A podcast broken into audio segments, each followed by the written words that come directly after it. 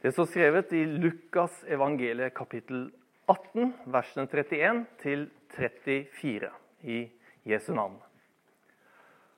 Han tok de tolv til side og sa til dem.: Se, vi går opp til Jerusalem. Og alt det som profeten har skrevet om menneskesønnen, skal gå i oppfyllelse. Han skal overgis til hedningene og bli hånt og mishandlet og spyttet på. Og de skal piske ham og slå ham i hjel.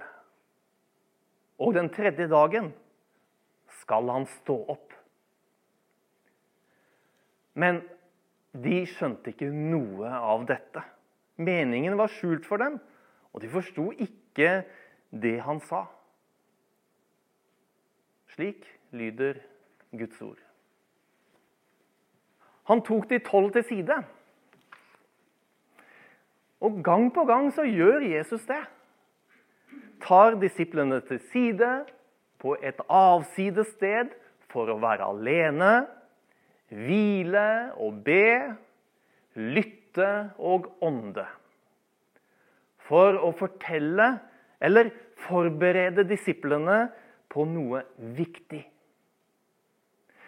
Til og med når han holder sin verdensberømte preken, bergprekenen, så fjerner han seg fra folkemengden. Går opp i fjellet og setter seg. Og hva gjør disiplene da? Jo, som godt opplærte menneskefiskere og den misjonale menigheten de var, så oppsøkte de selvfølgelig folkemengden. Delte ut spørreskjema for å finne ut hva det var som folkemengdens meninger og behov var. Og så ut fra det så drev de et utadrettet og søkersensitivt arbeid. Vel, det var ikke helt slik. Selv om det burde vært sånn ut ifra moderne kirkevekstforståelse. Nei, Da disiplene så at Jesus fjernet seg fra folkemengden og gikk opp i fjellet, så forlot også disiplene mengden og gikk opp i fjellet og samlet seg om ham.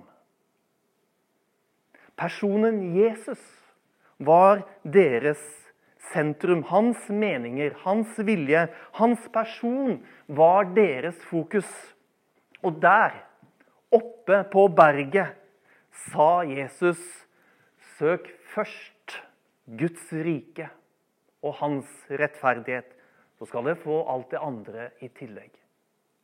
Det er Guds rike, Guds rettferdighet, personifisert i Jesus vi først og fremst skal søke. Ikke popularitet. Ikke folkemeningen, politisk korrekthet eller kirkevekst. Guds rike, Guds rettferdighet, det er noe annet, det. Men i dagens tekst, Lukas 18, så handler det ikke om hvordan disiplene skal leve eller oppføre seg.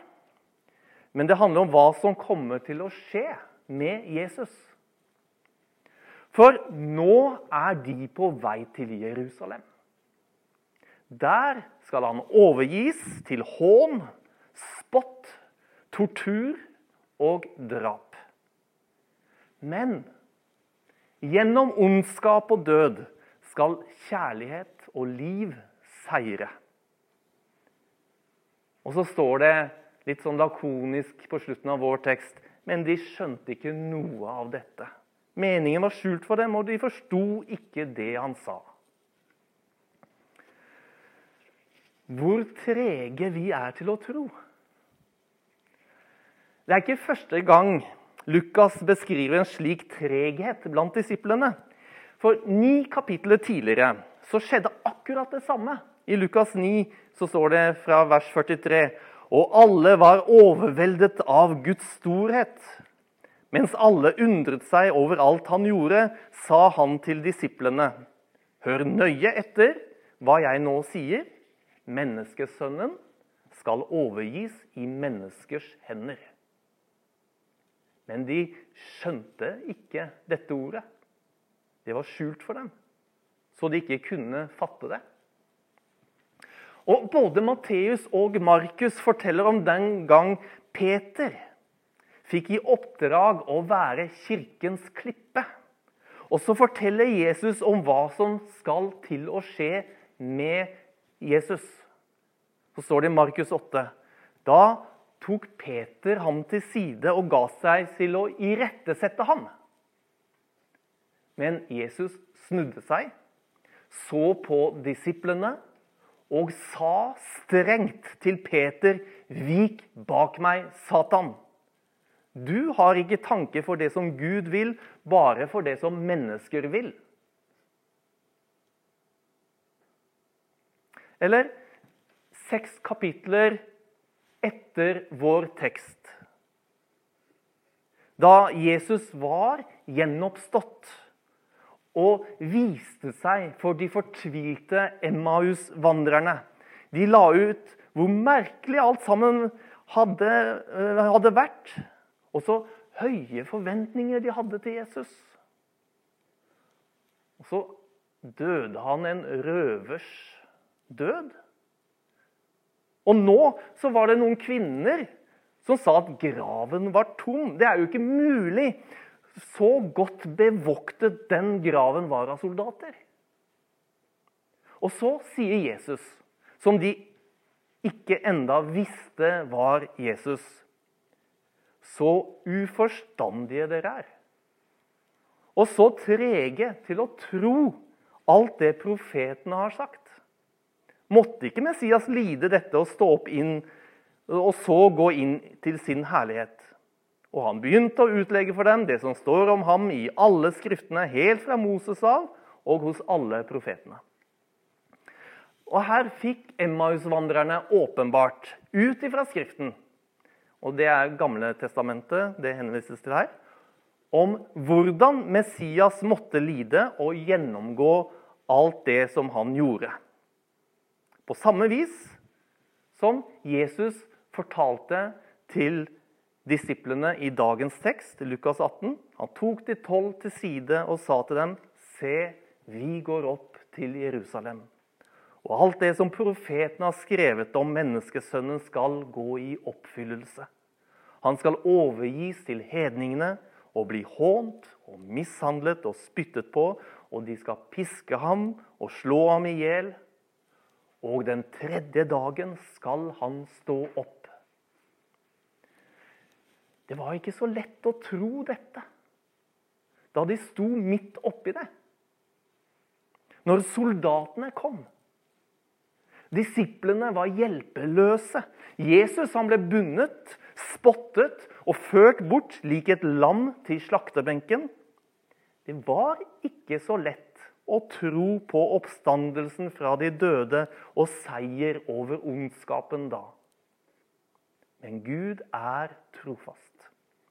Han holder sine løfter. Og alt det som profeten har skrevet om menneskesønnen, har gått i oppfyllelse. Eller som Jesus sa før han åndet ut på korset. Det er fullbrakt. Jeg har tenkt litt på det at vi er heldige. Vi som lever etter korset. Som kan lese hvordan det endte. Eller som Fleksnes sa til han på toget som satt og leste Bibelen. Jeg trenger ikke lese den boken, for jeg vet hvordan det ender. Ja, og vi vet hvordan det ender med menneskesønnen Jesus. Det som så ut som tap, var seier. Det som så ut som død, ble liv. Det som så ut som fornedrelse, var opphøyelse.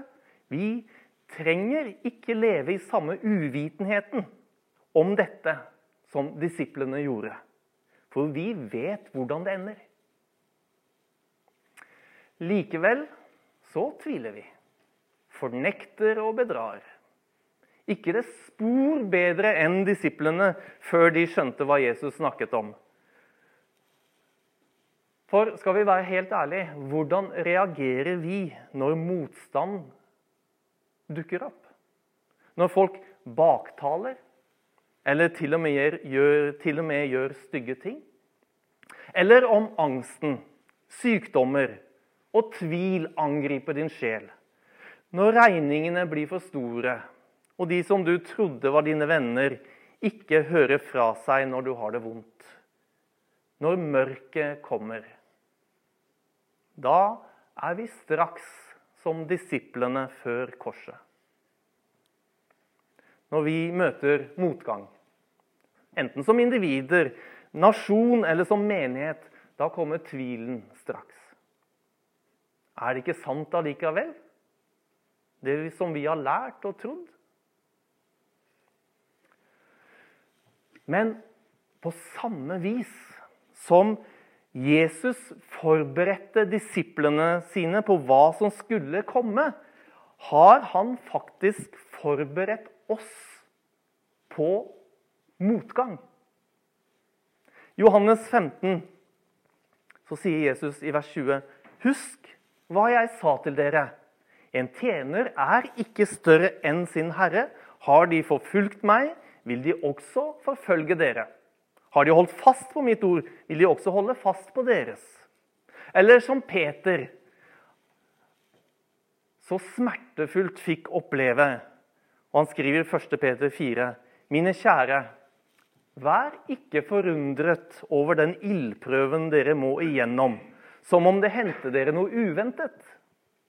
Gled dere jo mer dere får del i Kristi lidelser, så dere også kan juble av glede når han åpenbarer seg i sin herlighet.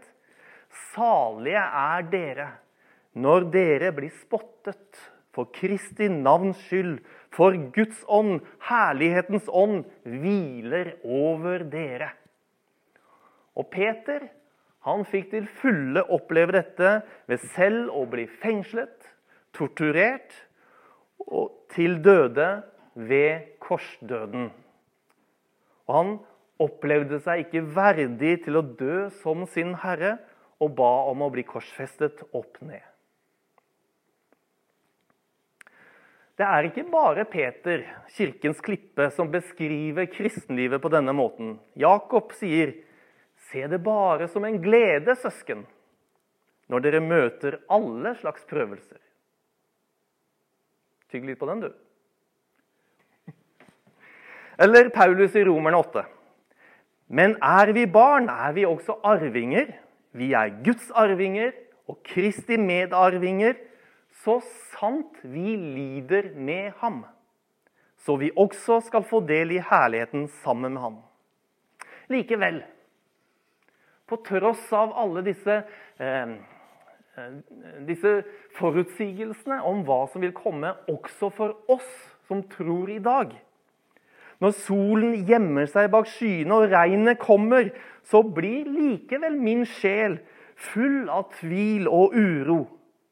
Selv om Jesus selv forutsa dette i bergprekenen, og han sier Hver den som hører disse mine ord og gjør det de sier, ligner en klok mann som bygde huset sitt på fjell.